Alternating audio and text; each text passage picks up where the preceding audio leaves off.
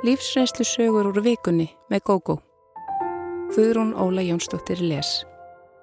Lífsreynslu sögur vikunar eru í bóði Kids Clean It's Relief en Kids Clean er kælandi fróða sem dregur samstundis úr kláða og mingar óþægindi í húð. Nálgast má vöruna í öllum helstu apotekum landsins. Ég þekki ekki móður ástina. Ég var aðeins þryggja ára gömul þegar mamma fór að láta högginn tala. Ég veit að ég mun aldrei gleima því. Mamma stundaði vakstarækt af kappi og var þess vegna mjög líkamlega sterk.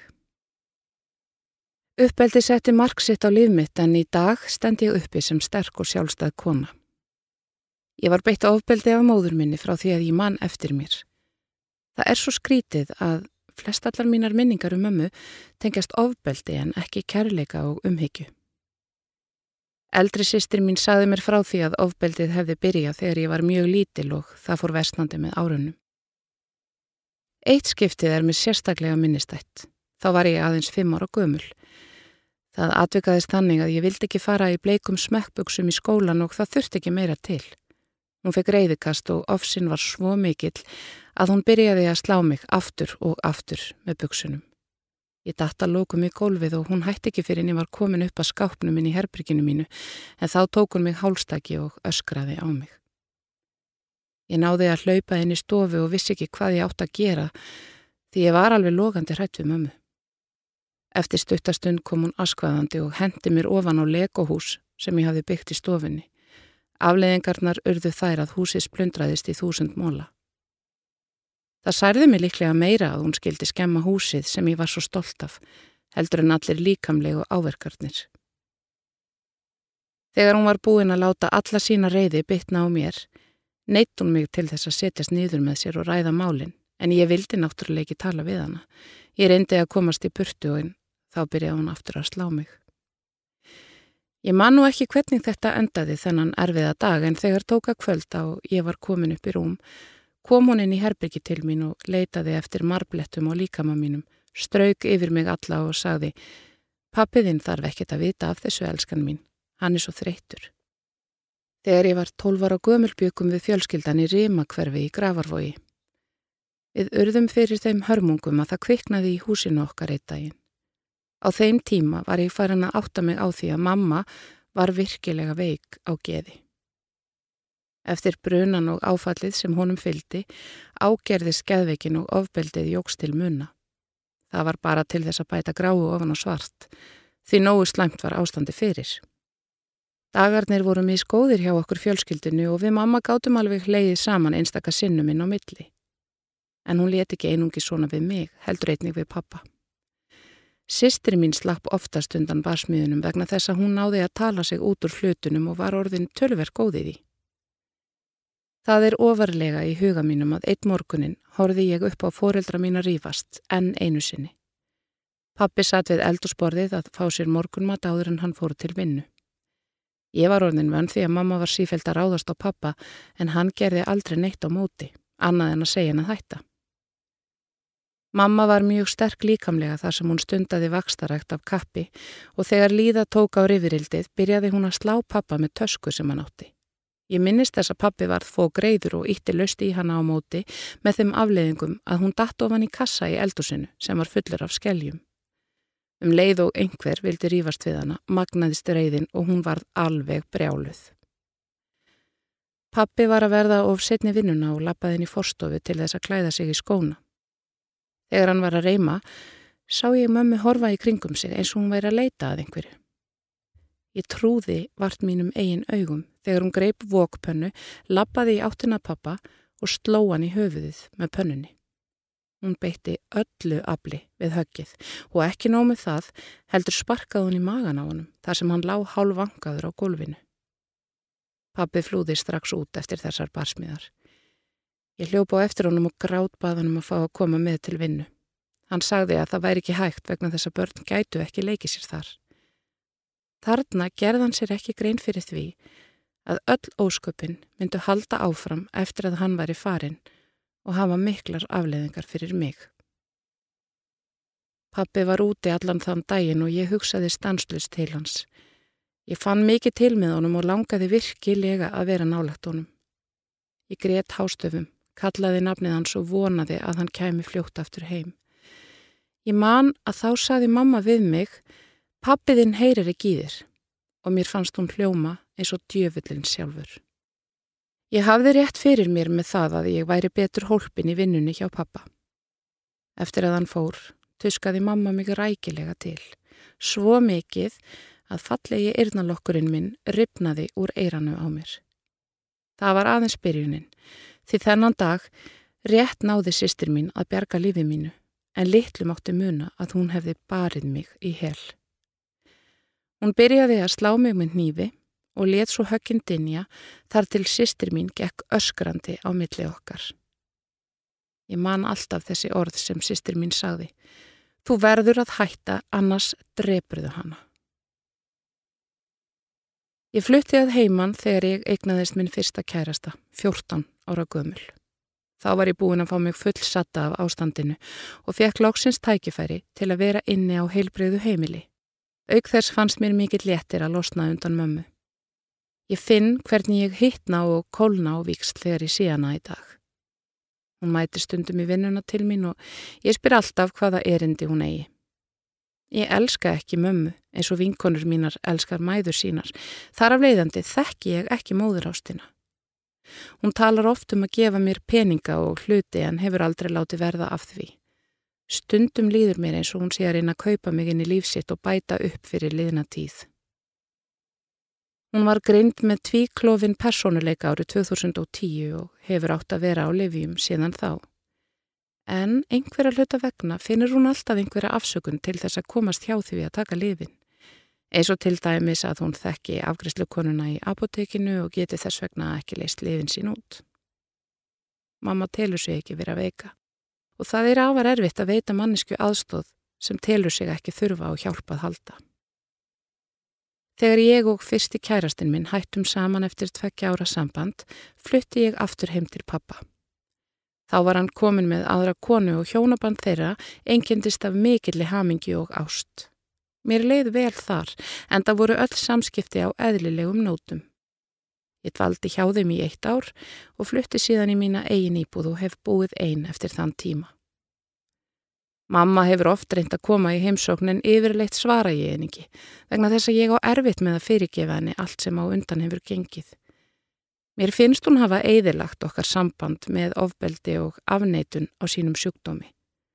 Ég saknaði sárt að hafa ekki átt innilegt maðgnasamband eins og flestar aðra stúlkur. Við höfum einu sinni rætt ofbeldið en það var árið 2010 eftir að hún greintist. Samtalið einkendist af miklum gráti og afneitun af hennar hálfu. Hún vildi ekki ræða um það sem skipti máli og forðaðist eins og heitan eldin að ræða ofbeldið og öll hræðilegu atvikinn sem áttu sér stað. Hún skipti yðurlega um umræðuefni og vildi helst tala sem minnstum slæmurlutina. Hún byrjaði að rifja upp afmælisveistlur sem hún hjælt fyrir mig og sýstur mína. Þannig er samband okkar enn þann dag í dag. Hún reynir að hafa samband en yfirleitt svara ég ekki. Þá býða mín yfirleitt laung og áhugaverð skilabóð frá henni í talhólfinu sem eru líklega einu góðu samskiptin sem við eigum. Ástinn kviknaði við fyrsta auglitt. Ég var yfir mig ástfangin og allt leiki lindi frá mínum bæjardyrum séð. Eitt daginn fekk ég óvænt að heyra nokkuð sem hafði djúbstæð áhrif á mig. Lífið breytist á nokkru mínútum og þetta umturnaði öllu. Ég var búin að vera í sambandi við indislegan manni nokkra mánuði þegar hann tjáði mér upp úr þurru að sambandi gengi ekki upp. Hann sæi ekki fyrir sér framtíð með mér og elskaði mig ekki nógu mikið. Hjarta mitt brotnaði í þúsund móla við þessi orð og ég fór í mikla ástarsorg. Ég hafði ekki gaman af neinu fyrst á eftir og lokaði mig algjörlega af í nokkrar vikur. Ég hætti líka að borða og grentist um nokkur kíló í kjölfarið. Eftir mánuð í sjálfsvorkun náði vinkona mín að draga mig með sér í bíó.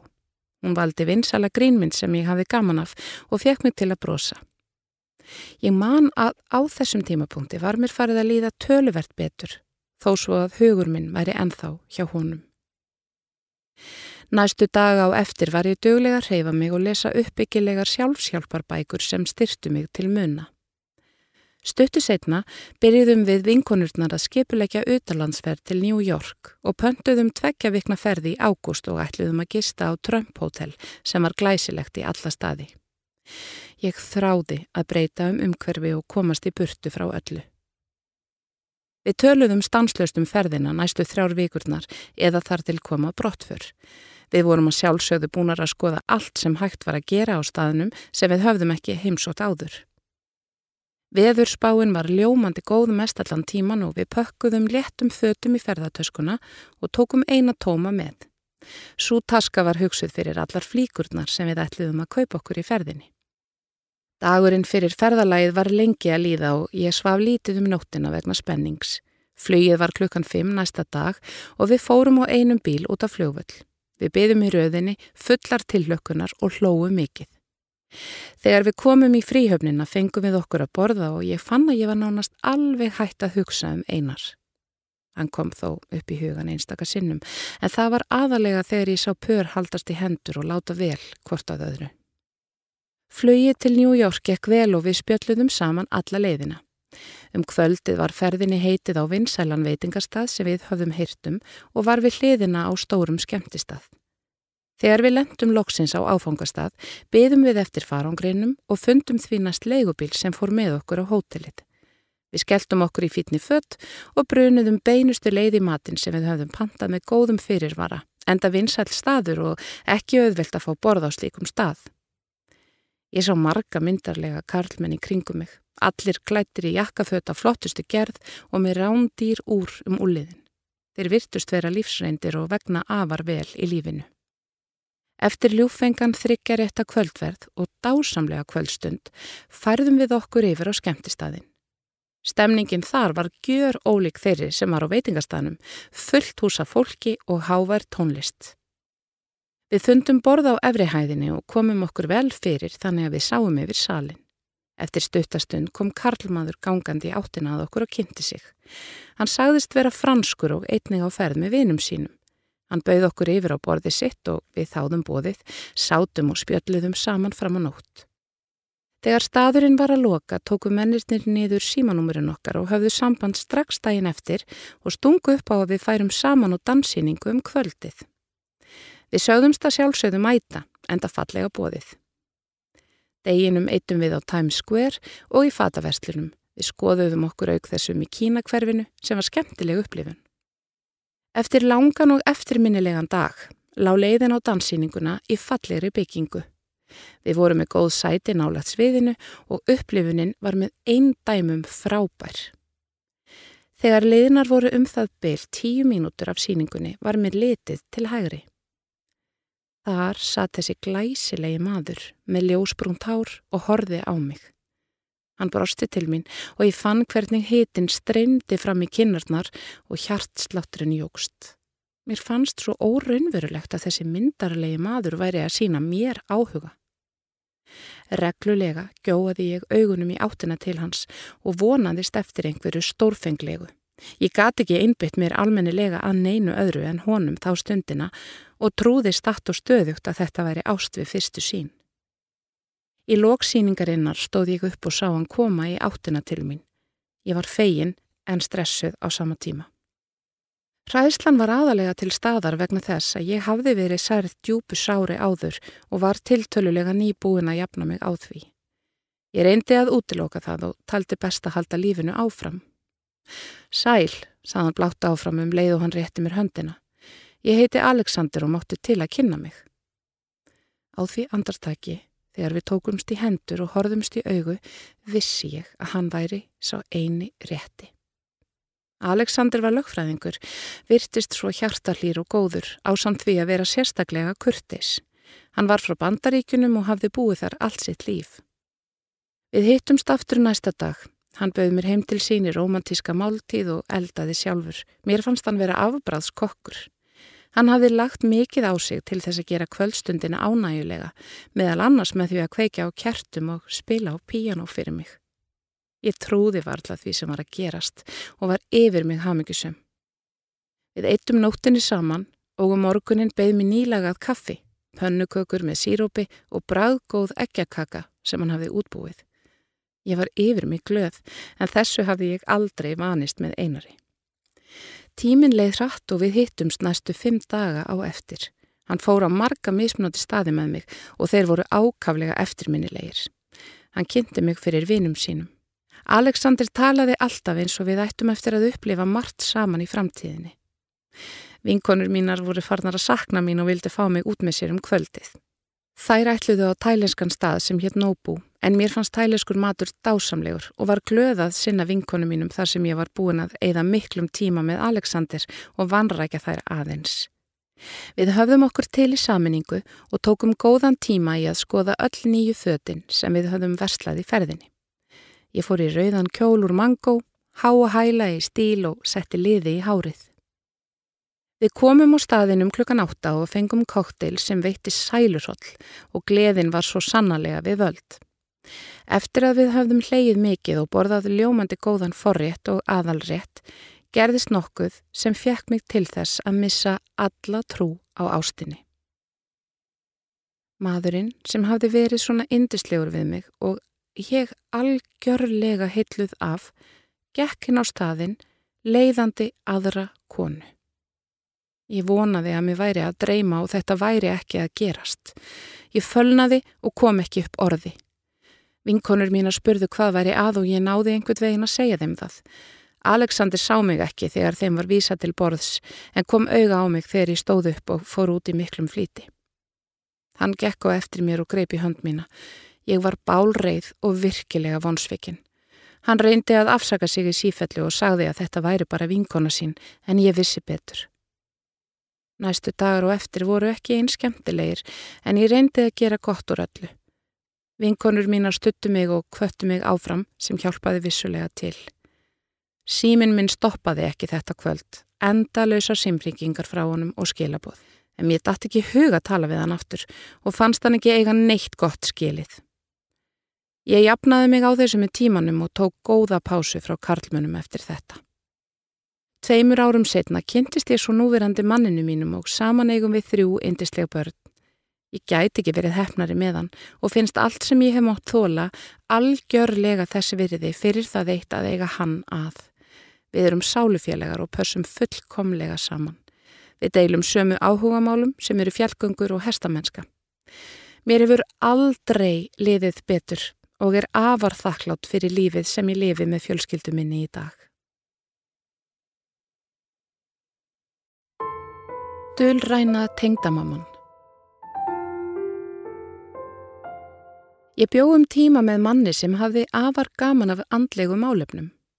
Í sambúðinu við hann upplifði ég mína fyrstu dölrænu reynslu en ég hefði eflust átt að koma mér betur við mömmu hans sem bjóði yfir dullrænum hæfileikum og stjórnaði seni sínum í gegnum þá. Steini var indislegur sambilismadur og við vorum yfir okkur ástfangin. Börnin mín tvö voru orðin vel stálpuð á þessum tíma og það eldra fluttað heiman. Þeim leist mjög vel á Steina. Mamma Steina bjóði yfir dullrænum hæfileikum, sagðan mér, og var einstaklega góði að spá fyrir fólki. Það var alltaf einhverju heimsókn hjá henni og ég upplifði fólki sem kom til hennar eins og hyrð í kringum hana. Okkur tengdamömmu kom ágætlega saman en það var samt eitthvað við hana sem ég kunni ekki við. Líklega svo þörf hennar fyrir að stjórna fólki og þá í gegnum þetta yfirnáttúrulega. Hún fann reglulega einhverjar hörmungar á sér og sagði stundum nú fyrir að koma elgos eða ég hef slæma tilfinningu, það er stutt í stóran jarskjálta. Svo liðu kannski nokkrir mánuðir og þá kom lítilis skjáltar hérna eins og gerist yðurlega á þessu landi en hún hafði auðvitað fundið þetta á sér. Elgósin letu nú býða eftir sér en þau koma svo sem alltaf reglulega líka. Það sem ég kunni kannski verst við var að hyrðin í kringum hana virtist trúa hverju orði sem hún sagði og lefði henni að ráðskast með lífsitt. Sem betur fyrr hafði Steini sagt mér frá því að mamma hann spáði fyrir fólki og talaði þá um að taka það í gegn. Það var til þess að ég þáði aldrei spá hjá henni. Ekki séns að ég leti einhverja mannesku segja mér hvernig ég væri eins og ég vissi það ekki sjálf og hvernig ég ætti að haga lífi mínu í gegnum spádóma. Mér fannst ekki rétt að nota slikt sem stjórntæki á aðra og aftakkaði spá hjá henni þegar hún vildi endilega leggja spil fyrir mig í einni heimsókninni. Það kom henni mjög á óvart þegar ég aftakkaði spá hjá henni. Flestir voru alveg sjúkir í það. Þetta var samt fínasta kona, þótt sérstök væri. Aðeins einu sinni mótmælti ég henni, en það var þegar hún hjælti fram við mig að mannfólkið kísi sjálft að veikjast og að það tengdist gjörðum þessi lífinu. Mér fannst þetta algjört bull, en spurðanu kurtislega hvort það ætti líka við um lítil börn, hvort þau kísu að fá til dæmis krabba minn. Ég sá að henni mislíkaði mjög við mig og líklega fyrirgaf hún mér þetta ekki. Mér datt þó ekki í hug að hún myndi reyna að spilla sambandi okkar steina en ég held að upp frá þessu hafi hún reynd að gera það á sinn hátt í gegnum trú steina á hæfileika hennars. Frá því ég andmælti henni liðu ekki nema nokkrir mánuðir þar til við steini skildum. Áhugi steina á andlegu málum kom fram á ímsan hátt í daglega lífinu. Hann saði 7.9.13 við hvert tækifæri, hann gerði krossmark við alla glukka þegar hann flutti inn til mín, fór alltaf í sama bólinn þegar hann horfi á fótboltaleiki til að tryggja liði sínu betri árangur og annaði þeim dúr. En þetta var bara skemmtilegt fannst mér og heldur betur í góðu lagi. Í raun leittist mér bara þegar Steini talaði um drauma sína en ég veit fátt leiðinlegra en að hlusta á lýsingar á löngum draumum. Svo var ég stattur í blokki breyðholdi en þetta var samt í New York og hitti Gunnu Frængu en þetta var samt ekki Gunna. Jæks. Ég hef lengi haft áhuga á antík og Steini kom tvísvar eða þrísvar með mér í antíkbúðir.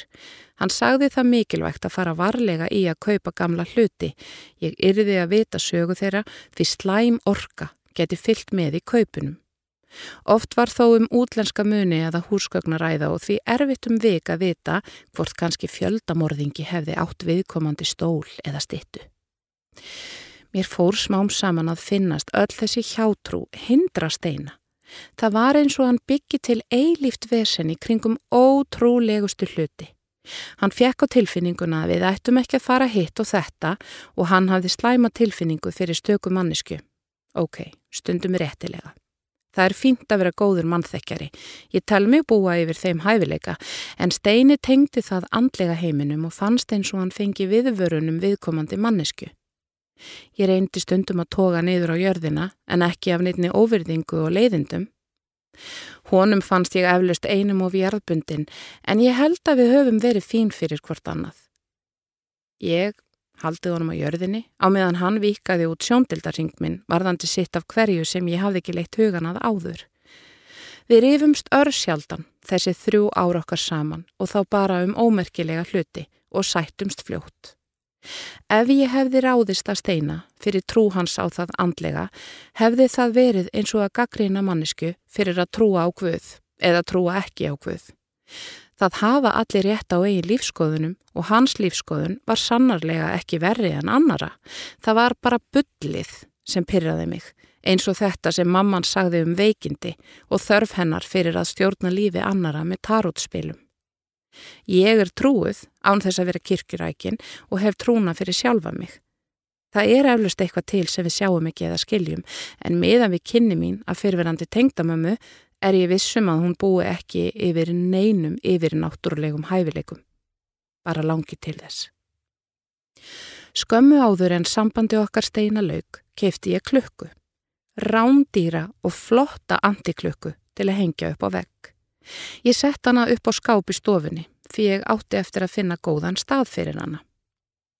Um nótina var ég fyrir heil miklu ónæði frá öldruðu manni sem bjóða hæðinni fyrir neðan okkur. Hann var næstum heyrnalus og þegar hann hlustaði á útvarpið heyrði ég nánast orðaskil upp til mín.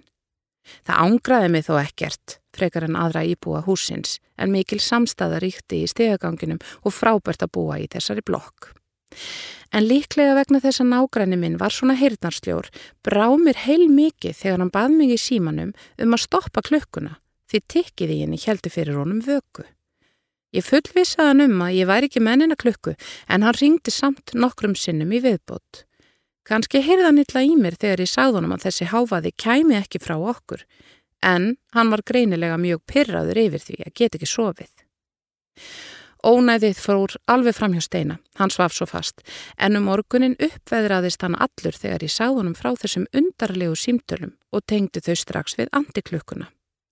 Hann fór inn í stofu, horði lengi á klukkuna og sagði að hún hefði greinilega mikla sögu, að eitthvað fylgdeni greinilega, eitthvað gott var hann vissum, hann hefði tilfinningu fyrir því. Mjög líklega hefði fyrirverandi eigandi klukkunar látið vita af sér með þessum hætti, hjælt steini, sem óskaði mér til hamingju með mína fyrstu dullrænu reynslu. Ég sá reyndar litla ástöðu til þess að framliðin fyrrum klukkueigandi leti ókunnuga aðila vita af sér með því að halda vöku fyrir þeim. Hm. Við hengdum klukkuna upp nokkrum dögum setna og drektum hana. Tikkiði henni helt sannarlega ekki vöku fyrir okkur, hvað þá nágrunum okkar. Mér fannst þetta afar skrítið og var eiginlega farin að hallast að skýringu steina því ég fann enga skinsamlega skýringu á þessu. Næst þegar ég hitti nágranna minn bað hann afsökunar á þessu en klukkutik sem hann vissi ekki hvaðan kom hefði nánast verið að æra hann. Þegar sambandi okkar steina var að ljúka komst ég að því að fyrir nokkru hefði mamma hann spáð fyrir honum og sagt að ég væri ekki svo rétta fyrir hann. Henni hefði skjáttlast í fyrir spám sínum. Hann ætti eftir að kynnast sálufélaga sínum í annari konu. Miðað við hvað Steini var trúaður á það dullræna fannst mér líklegt að þetta hefði haft sterk áhrif á hann. Hann sagði mér frá þessu sem staðfestingu á því hvað mamma hans væri klárað spá. Tókstu mark á þessu? spurði ég hissa. Nei, auðvitað ekki, svaraði Steini, en ég efaðist um að hann myndi það. Ef trúgjörn manniska fær sífælt að heyra að eitthvað gangi ekki upp, þá getur það varðla gengið upp. En sambandið hafði runni sitt skeið og ég hafði ekki áhuga á því að halda því áfram þótt ég saknaði Steina oft. Steini var nýfluttur út þegar ég rakst á húsfélagsformaninn. Það er góður karl, algjör þúsund þjala smiður sem var þegar þetta var, sestur í helgan stein og nöyt þess að ditta að, mála og lagfæra það sem aflaga fór í blokkinni. Hann spurði mig hvort ég hefði orðið vör við högg í vassleiðslunum minn og baði. Ég neytaði því og þá saðan eitthvað um þrýstingin á vatninu sem hefði valdið miklum háfaða eins og höggum, sérstaklega hjá gamlamanninum sem kvartaði yfir klukkutífinu. Ég sagði formanninum frá símtölunum frá hennum um nóttina og fretti að annar íbúi hefði fengið upprykkingu. Þarna kom rétta skýringin og dullræna reynslan mín fór fyrir lítið. Næst þegar ég heyrði í steina gati ég ekki stilt mig um að segja honum frá þessu. Hann yrði að fá að vita að eðlileg skýring hefði verið á þessu. Í november verða liðin tíu ár síðan við steini hættum saman. Hann er komin vel á sextusaldurinn og enn bólar ekkert á sálufélaganum sem mamma hans báði honum. Ég óskonum alls góðs í lífinu og vona að hann finni drauma konuna. Konan svo þarf þó eflust að hafa mun meiri áhuga á dullrænu málum en ég og má alls ekki styggja tengdamömmuna svo henni verði ekki spáð á brott.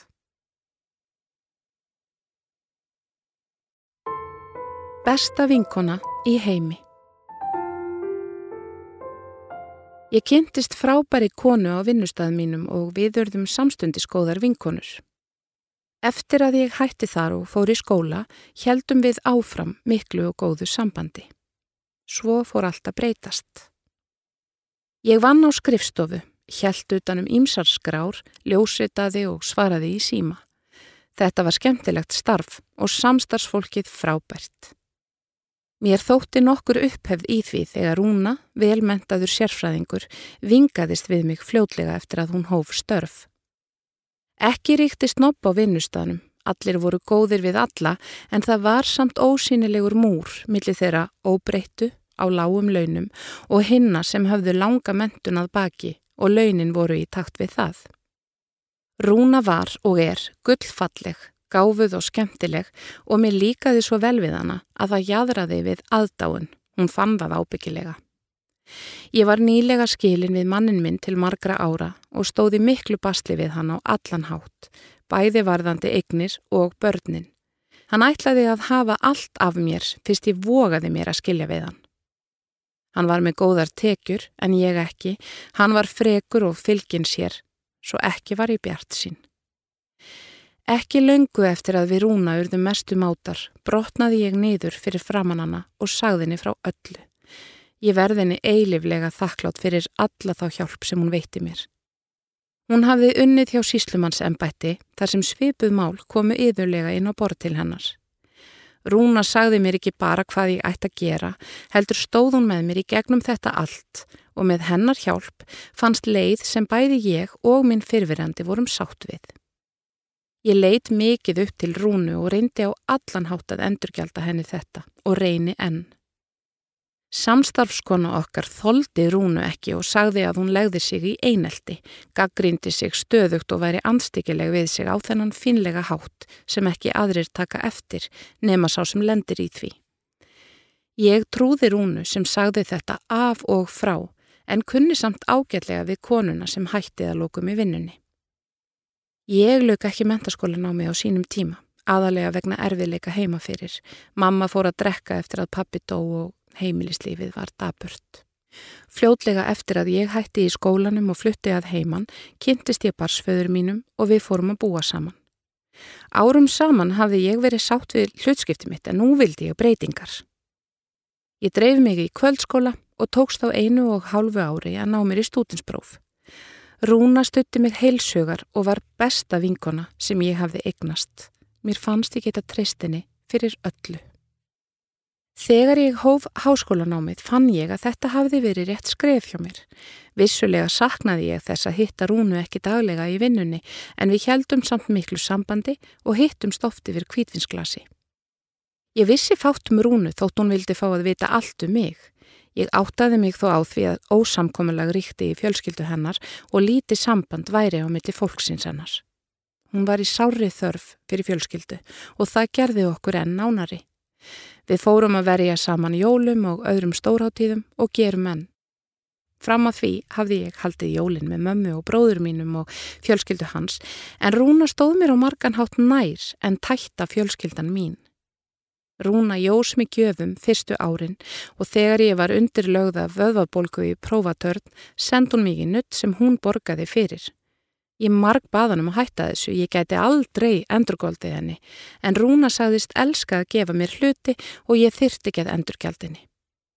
Mér fannst óþægilegt að vera settið á stöðu að vera í endalösri þakkarskuld við hana.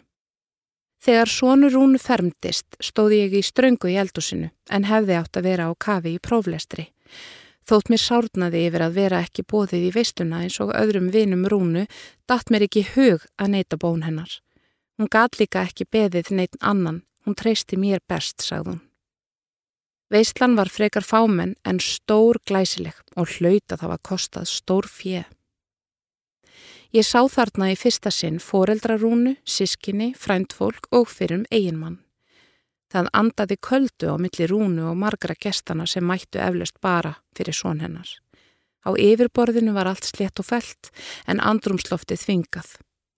Allir virtust þó vera góðir vinir innbyrðis, leiðindin voru greinilega bara á milli rúnu og hinna. Það var óvænt uppgötvun sem ég myndist á ekkert á við rúnu. Ég ger mér ekki alveg grein fyrir því hvenar ég fór að sjá rúnu í nýju ljósi. Aukið sjálfströst mitt hafði án Eva heilmikið með það að gera. Ég var ekki lengur sammála henni í öllu. Áður hafði ég álitið allt rétt sem hún sagði og gerði. Ég man eftir símtali þar sem við rættum glæpamál og ég var ekki sammála rúnu en sagði það ljúflega. Þá kvatt hún stuttaralega en ringdi í mig um kvöldið ljúf og elskuleg eins og ekkert hefði í skorist. Fyrir komað rött hennar væri skrítin í símanum eins og hún væri undir áhrifum. Ef ég spurði saðist hún bara vera þreytt. Mér fór að gruna að hún drikki í laumi. Hún myndi aldrei viðurkenna að hún hefði veikleika eða löst, en ég var þó byrjuð að sjá sprungurnar í fullkomnu grímunu hennar. Í fyrra sumar slasaði ég mig á fæti og fekk ávísað sterkum verkelifjum. Rúna fekk helming þeirra lánaðan hjá mér. Hún var svo slæm í bakinu en borgaði mér aldrei tilbaka eins og hún ætlaði. En þessi hálfi skamtur dögði mér alveg svo ég var róleg. Síðan fór Rúna að gefa mér óumbeðin ráð varðandi börnin mín. Henni fannst til dæmis að eldri dóttir mín ætti ekki að þurfa að vinna með skólanum. Ég sagði að hún vannrækti ekki námið og ekki hefði ég ráð á því að kaupa handinni það sem hann langaði í. Hún yrði að vinna fyrir því sjálf. Mér til algjörar förðu kom Rúna með þá hugmynd að ég hætti í skólanum. Hún myndi retta mér starfi á gamla vinnustæðinu mínum. Hún saknaði þess ótrúlega mikið að vinna með mér. Ég trúði ekki eigin eirum en sagði rólega að ég ætlaði að ljúka náminu. Það kæmi ekki til greina að fara að vinna til að geta gefið dóttur minni tískufött og snjálfsíma. Svo hló ég, en Rúna var ekki að grínast. Ekki bauð Rúna upp á að ég skipti mér af börnunum hennar. Ég hefði heldur aldrei gefið henni svona slæm ráð. En Rúna þáði aldrei ráð frá mér, bara greiða og samveru. Rúna virtist vera endisleg móðir, en eftir að augum mín fóru að opnast, sá ég að börn hennar virtust stundum hrætt við hana. Kanski sínd hún þeim annað viðmót þegar enginn sá til. Þótt ég upplifði vináttu okkar Rúnu á jafnréttisgrundvelli, sá ég síðar að í hennar huga stóði ég skör lagra. Það að ég gæti orði jafningi hennar virtist valdinni áhyggjum og hún fór að reyna að draga úr mér, bæði varðandi námið, útlit mitt og hvernig ég hugsaði um börnin mín. Ég hafði líka lengi treyst domgreint hennar í ástamálu mínum. Engin maður sem ég var spennt fyrir hlaut náð fyrir augum hennar. Ég hlustaði allt of ofta á hana. Eftir að hafa fengið flensu í prófundirbúningi hafði ég miklar áhyggjur af því að ná ekki erfiðasta prófinu. Nú brá svo við að hún kvatti mig eindreið til að hætta námi og fara að vinna. Þetta væri allt og verfitt fyrir mig því miður hún yrði að vera reynskilinn. Nokkrum árum áður hefði þetta brotið mig niður, en ekki lengur. Ég varð öskureið, en eitthvað, einsægi, hugbóð eða ótti stoppaði mig frá því að láta það í ljós. Ég sagðist ætlað íhuga þetta og hún var mjög ána með það. Rúna vissi nánast allt um mig og mig grunaði að hún myndi nota það gegn mér ef ég segði henni upp sem vinkonu.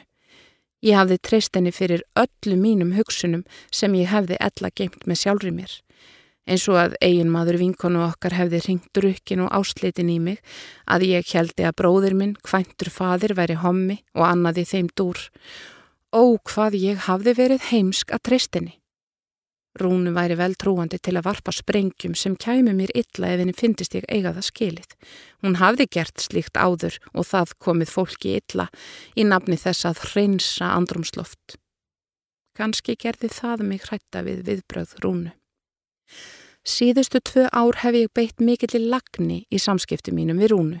Ég fer mínu fram en passa að henni finnist hún samt vera við stjórnvölinn. Ég segi henni ekki frá góðu gengi mínu í starfi og gæti þess að hún fái aldrei á tilfinninguna að ég sé betri en hún á nokkur nátt. Heigulslegt, já, en nöðsynlegt að mínu mati.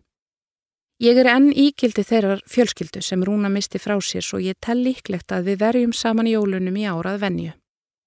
Hún áauðvita sína góðu spretti, mér þykir væntum hana en ég er og verð alltaf á verði gagvartenni. Ég spyr hana stundum álits og rós henni reglulega ef hún á það skilið.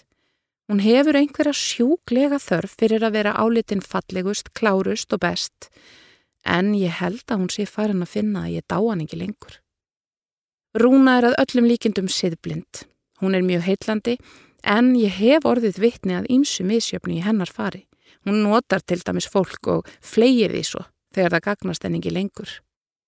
Og nú veit ég að hún lagði samstarfskonu okkar í einelti á sínum tíma. Sú kona hefur eflaust séð í gegnum hana. Vonandi kemur sá dagur að ég verði óþörf í lífi rúnu, að hún finni einhvern annan sem nýtist henni betur en ég. Þá verður mér fleikt eins og hverju öðru rustli. Hún verður bara að hafa frumkvæðið af því og ég þarf að þykjast vera sár til að minka hættun á því að hún skadi mig og mína á einhvern hátt.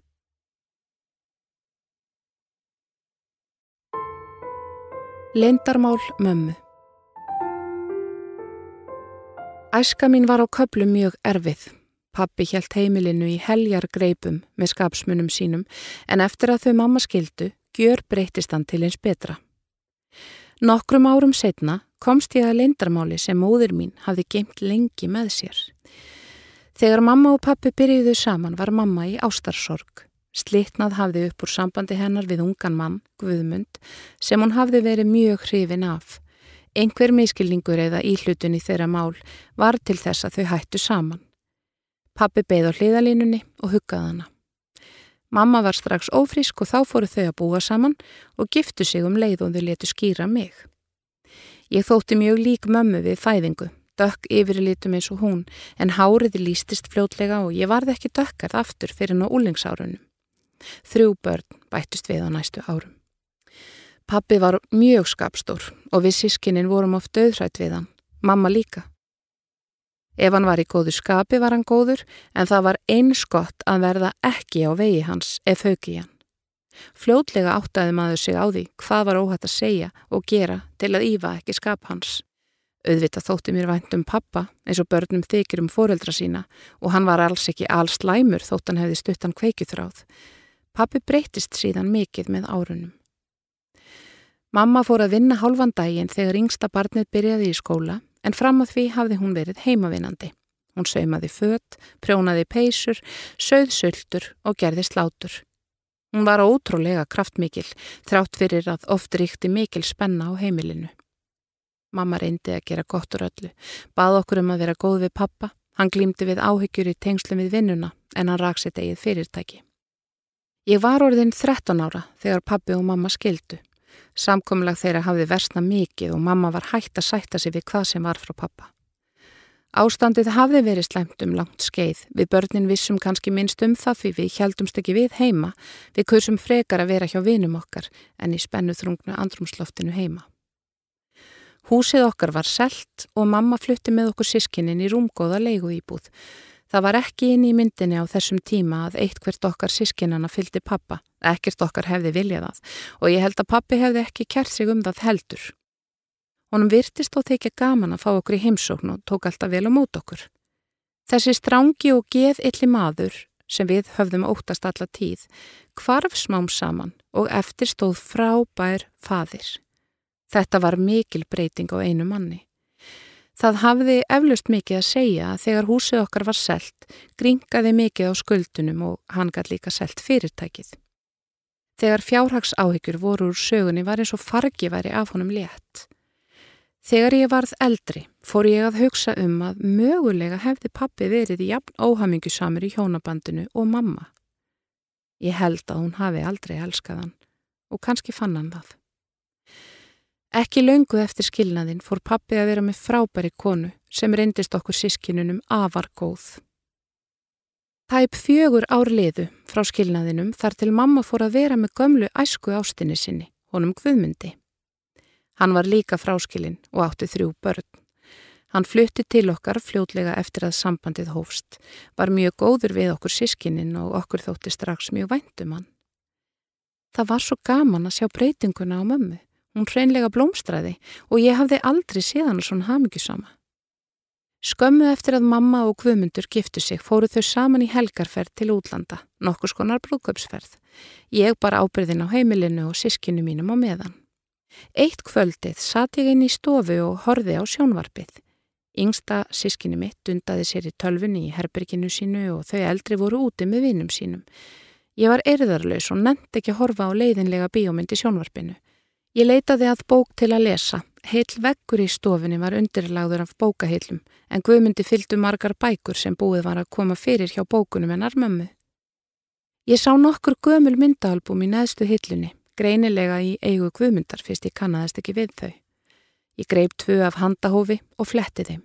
Mér hefur alltaf fundið skaman að skoða myndir, meira að segja af ókunnugu fólki. Þarna voru gamlar myndir síðan Guðmundur var lítill og gaman að skoða þær. Einmyndin fangaði aðtegli mína sérstaklega. Hann hefur líklega verið um tveggja ára gamall á henni. Ég virt hana betur fyrir mér og brá heil mikið þegar ég áttaði mig á því hvers vegna mér fannst hún svona kunnuleg. Myndin hefði nefnilega geta verið af mér þegar ég var á svipuðum aldri. Ég sótti annað albúm, fann myndin af mér og bar þessar tvær myndir saman. Þetta var ótrúlegt. Líkindin á milli okkar hvumundar voru miklu meiri en á milli mín og mömmu frá því hún var lítil. Hugsanir mínar fóru á flegiferð. Ætli mamma hafi verið orðin ófrískað mér þegar hún fóru að vera með pappa. Var Guðmundur, gamli kærastinn hennar, lífræðilegur fadir minn? Vissi einhver af þessu? Ég var að minnstakosti sannferðum að pappi hefði ekki hugmynd um þetta og evaðist stórlega um að hann hefði samþygt að ala upp barð sem væri ekki hans eigið. Ég er langlíkust mömmu af sískinu mínum og ber engan sveip af pappa. Bróðir minn er aftur á móti mjög líkur pappa og líkist mömmu ekkert svo engum þótti neitt aðtugavert við útlitt mitt. Mamma og Guðmundur komu heim á mánudeginum og ég fór að fylgjast með því hvort Guðmundur væri eitthvað öðruvísi í framkomi við mig en yngri sískinni mín. Ekki gæti fundi það. Ég treysti mér ekki til að tala um þetta við nokkurt mann, vildi melda þetta með mér áður en ég segði nokkuð. Nokkrum vikum síðar herti ég loks upp hugan þegar við mamma vorum tvær einar heima og spurði hana um þetta. Henni döðbrá og neytaði staðfastlega. Hún sagðist ekki muna hversu langur tími hefði liðið frá því hún hætti með Guðmundi og fór að vera með pappa þegar ég spurði út í það. Ég fættist vissulega aðeins fyrir tíman en mamma bendi mér á að ég hefði verið lítil við fæðingu svo það væri engin sönnun. Það væri ekkert skríti þótt í líktistónum. Það hefði yðurlega verið sagt á sínum tíma að svo mikill hjónasveipur væri með henni og Guðmundi. Mamma bað mig í öllum bænum að orða þetta ekki við neitt. Það myndi bara særa fólk eins og pappa, sískinni mín og líka börnin hans Guðmundar. Þótt mamma neytaði öllu, varði ég bara vissari í minni sög. Fyrst var ég neyksluð á mömmu fyrir að hafa byrjað með pappa ófrisk eftir annan mann, en svo fór ég að hugsa um að kannski hefði hún ekki vitað af því. Svo gæt líka verið að hún hefði verið sætt við bæði viðbröð pappa og samfélagsins, þá var kannski betra að láta kyrt líkja og vona það besta. Pappi var svo skabráður þegar hann var yngri og mamma hrætt við hann sem útskýri kannski eitthvað. Ekki held ég að mömmu hafi létt þegar ég fættist og bara engan svip af pappa en mögulega hefur hún reynd að blekja sig með því að ég væri bara lík henni. Ég veit að mörg börn eru rángfæðruð á Íslandi en mér dætt aldrei í hug að ég væri eitt þeirra. Sónur Guðmyndar var á svipuðum aldrei og ég, bráðmyndarlegur ungur maður. Ég lísti yfir hyfningu minni á honum eitt daginn og spurði mömmu hvort stjúpsískinni mættu gjöruglega giftast. Ég var bara grínast en mömmu var ekki skemmt. Ekki svo lungu eftir þetta sagði hún að það væri kannski mögulega, örlítill möguleiki á því að ég væri dóttir Guðmundar. Hún hefði orðað þetta við einamannisku, Guðmund sjálfan, fljótlega eftir að þau náðu saman aftur. Hann stakk upp á því að láta fadernispróf skera úr um málið en mamma vildi alls ekki að ég eða nokkur annar vissi af þessu. Síðan lagði ég bara saman tvo og tvo og fekk út fjóra upp á einn spýtur. Ég var svo vissum að Guðmundur væri lífræðilegur fadir minn að ég neytaði að láta eitt hvert próf skera úr um það þegar mamma spurði mig. Ég fór þó í fadernispróf setna og grunur minn, eða öllu heldur vissa, var staðfest. Við þrjú vitum eina af þessu. Samband mitt við pappa breytist ekkert þrátt fyrir þetta. Mér þótti og þykir mjög væntum hann. Þegar ég keipti mína fyrstu íbúð með manninu mínum, málaði pappana alla með okkur og hann hefur alltaf komið hlaupandi þegar ég þarf á aðstóða halda. Hann er maður verka en ekki orða.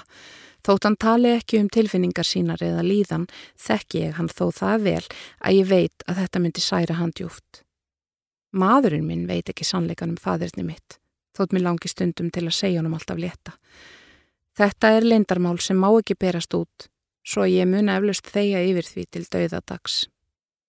Þegar fyrsta barnið okkar kom í heiminn, létum við skýra það í höfuðið á pappa, manninum sem ól mig upp. Það glatti pappa ósegjanlega mikið. Hann er og verður afi sonar míns og pappi minn hvað sem lífræðilegum skildleika líður.